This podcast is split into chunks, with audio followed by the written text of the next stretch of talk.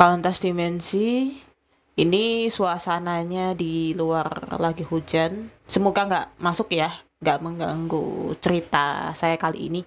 Jadi saya di episode ini memang mau cerita satu sosok yang dari sekian banyak yang pernah saya lihat gitu ya ini yang menurut saya paling serem karena ya melibatkan anggota keluarga di rumah saya juga ya. Jadi waktu itu sekitar tahun 95 96 saya masih TK sih yang saya ingat dan waktu itu malam hari saya pulang dari rumah nenek ya. Nah, biasanya kan namanya anak TK itu kan jam 8 malam itu sudah mulai ngantuk lah gitu kan. Dan udah males buat jalan jadinya waktu itu saya digendong sama papa saya Nah, ketika baru melangkah ya, saya kerasa sih karena antara ngantuk sama enggak kan. Melangkah sampai dengan ke ruang keluarga, pas persis di deket TV itu dan di depan papa saya, saya memang melihat ada satu sosok makhluk. Makhluknya itu tinggi, kalau dibilang besar enggak sih tapi lebih ke arah tinggi dan ya sekujur badannya tuh berbulu hitam gitu ya lebat gitu kan tapi saya nggak bisa melihat ke arah wajahnya karena ya melihat itu aja saya udah takut ya apalagi ngelihat ke wajahnya bentuknya kayak apa. Jadi saya nggak bisa mendeskripsikan wajahnya saat itu seperti apa kauntas dimensi. Bahkan saya sudah terlanjur nangis saya sudah nunjuk-nunjuk ke depan gitu. Itu ada itu ada item-item gitu. Yang saya ingat waktu itu itu kan karena saya terus saya nangis saya ketakutan luar biasa.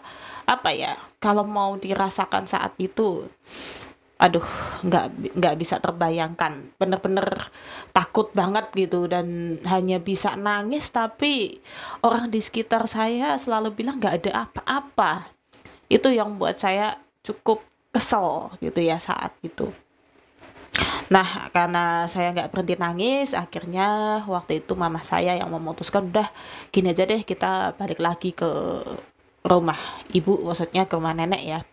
Akhirnya kembali lagi memang nenek agak bingung sih waktu itu. Kan loh kok balik lagi? Kenapa? Lagi pula malam banget kan. Akhirnya ceritalah di situ. Ini kalau sudah di rumah nenek saya udah tertidur sih. Jadi ini diceritakan sama mama saya ke saya bahwa mama saya sama papa saya cerita. Jadi saya tuh kok teriak-teriak melihat ada hitam-hitam di depan papa saya gitu kan. Padahal nggak ada apa-apa sebetulnya gitu kan. Ya bagi papa sama mama saya nggak ada apa-apa. Cuman bagi saya kok apaan nih? gitu kan. Ya serem lah sesuatu hal yang nggak pernah saya lihat sebelumnya. Ya nenek saya memang punya ya kauntas dimensi memang punya kemampuan seperti itu juga. Jadi paham sih sedikitnya dan akhirnya diminta untuk dah Dita besok gak usah sekolah dulu suruh tidur di sini lah terus nanti gimana? Ya pagi-pagi jemput gitu. Pagi-pagi aja jemput sebelum papa saya berangkat kerja kan? Jemput dulu. Nah nanti dibawa ke rumah lagi baru papa saya berangkat kerja. Ya ribet sih tapi mau gimana lagi gitu kan? Karena saya nggak bisa tidur di rumah.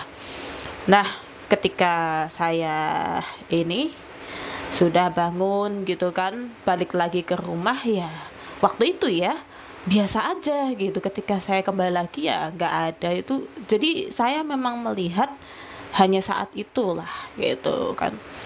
Karena memang cukup heboh ya peristiwanya akhirnya papa saya waktu itu ke rumah nenek saya yang satu lagi. Berarti ini ibu dari papa saya. Sana dan kemudian ya ngobrol-ngobrol lah tentang masalah ini. Dan nenek saya waktu itu menyarankan coba ke om siapa gitu ya. Nama saya samarkan karena masih inget sih namanya siapa. Nah si om ini sebetulnya masih sanak keluarga juga cuman ya cukup jauh ya dan beliau adalah seorang dukun terkenalnya. Sudah banyak membantu di keluarga besar kami juga gitu kan untuk urusan pekerjaan urusan apa pun itu Nah, sekarang dimintain tolong untuk urusan yang semacam ini. Dan untuk soal pembayaran sebetulnya waktu itu nenek saya yang me, inilah membayar gitu ya. Nggak soal lah mungkin dikasih diskon kali waktu itu kan.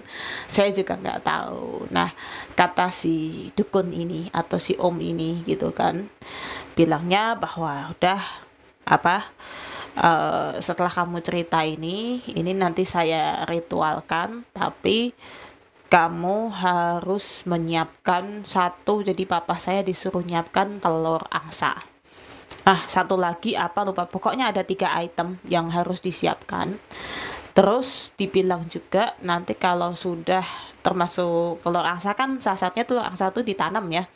Telur angsanya itu ditanam di ini buka upin buka keramik rumah itu. Jadi dibuka paksa kemudian telur angsa itu ditanam di situ terus yang benda lainnya aduh saya nggak begitu ingat ya. Benda lainnya apa gitu kan. Itu udah kalau sudah disiapin semua kemudian dia pesan gitu kan tolong jangan menghiraukan kalau ada suara berisik di belakang. Karena suara berisik itu tandanya saya sedang melawan makhluk itu gitu. Kata si ini ya kata si dukunnya ya gitu kan. Atau si om inilah kalau papa saya manggilkan masih om. Oh gitu. Oke lah akhirnya ya udah pulang dan sudah persiapan ubur rampe ya. Telur angsa apa dan sebagainya sudah ditanam juga sudah sesuai prosedur yang ada gitu kan yang diberikan. Oke sudah semua clear dan malam itu pun terjadi gitu. Jadi memang saya mendengar ada suara berisik ya gaduh ya. Tetapi waktu itu mama saya memang menutup-nutupinya dengan mengatakan oh itu tikus gitu. Wah biasa itu. Tapi apa ya masa sih tikus nabrak sana sini? Karena di belakang rumah saya itu itu waktu dulu tuh tandon ya tampungan air itu tandon besar itu ya udah nggak ada apa-apa lagi sih paling ember gitu kan. Ya masa tikus nyentuh ember? Eh nggak nggak. Maksudnya waktu itu nggak masuk di logika saya sih sebenarnya. Tapi ya udahlah karena kan nggak boleh dilihat gitu kan. Selama pertarungan itu katanya terjadi selama tiga hari gitu kan. Nah setelah semuanya clear gitu kan kauntas dimensi dan si dukun ini kemudian memberikan apa ya kalau saya bilang sih sebetulnya itu rajahan atau jimat ya yang dibungkus kain merah kemudian dipaku di setiap pintu setiap pintu. Jadi misalnya di situ ada pintu kamar itu harus dipaku. Kemudian di yang di atas itu ya apa sih namanya? Aduh ya yang di kusen di kusen pintu itu harus dipaku itu. Kemudian pintu utama juga pintu satu lagi itu pintu dapur pokoknya setiap pintu lah ada semua. Kecuali kamar mandi sih. Kecuali kamar mandi gak ada. Cuman itu. Dan ya ternyata setelah dilakukan hal itu memang tidak terjadi hal-hal yang kayak gitu lagi. Maksudnya saya nggak lihat makhluk itu lagi sih. Tapi papa saya sebetulnya penasaran kan. Akhirnya nanya waktu itu om ini sebetulnya ada apa sih? Nanya ke si dukun itu ya. Jadi ternyata makhluk ini adalah ya makhluk pindahan sebetulnya. Awalnya tidak berada di rumah saya ya waktu itu. Itu dari rumah tetangga sebetulnya gitu kan. Nah waktu itu di rumah tetangga itu kan awalnya kosong, kemudian ada penghuninya, itu kauntas dimensi. Nah, namanya kita tahu kalau orang mau menempati rumah pertama kali kan tentu istilah orang Jawa itu di ngaji ke ya, pasti ya kita ngadakan pengajian gitu ya. Nah, karena diadakan pengajian itulah si makhluk ini terganggu dan ya hapesnya ya. Pindahnya kok ya kenapa ke rumah saya waktu itu gitu kan. Atau mungkin yang paling aman ke rumah saya nggak tahu.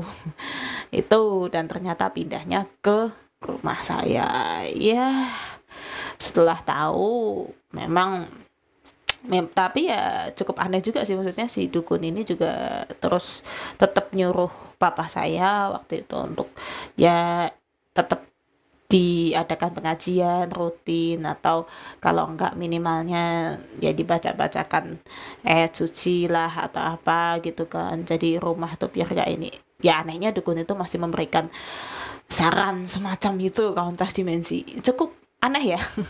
Karena biasanya dukun akan menyarankan udahlah setelah diberi jimat ini jangan lupa diperbarui apa-apa dan sebagainya. Dan ternyata kan enggak gitu.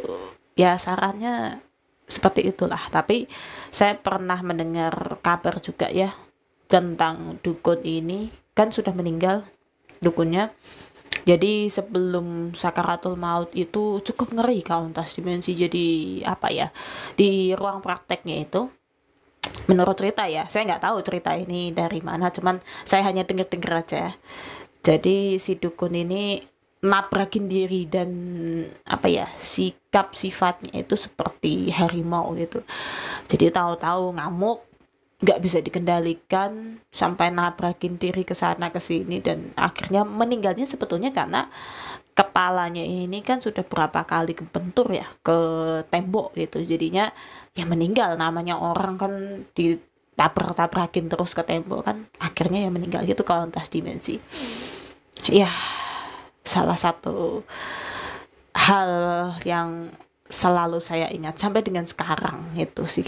Oke cukup sekian ya. Terima kasih sudah mendengarkan cerita saya absurd tapi berikutnya saya akan cerita salah satu kisah dari Bang Zen ya. Bang Zen dulu sejak kecil juga pernah ya bertemu dengan sosok-sosok yang cukup misterius dan tapi sekarang dia sudah terbiasa bahkan sosoknya malah ada yang beberapa bisa dipanggil gitu ke ontas dimensi oke?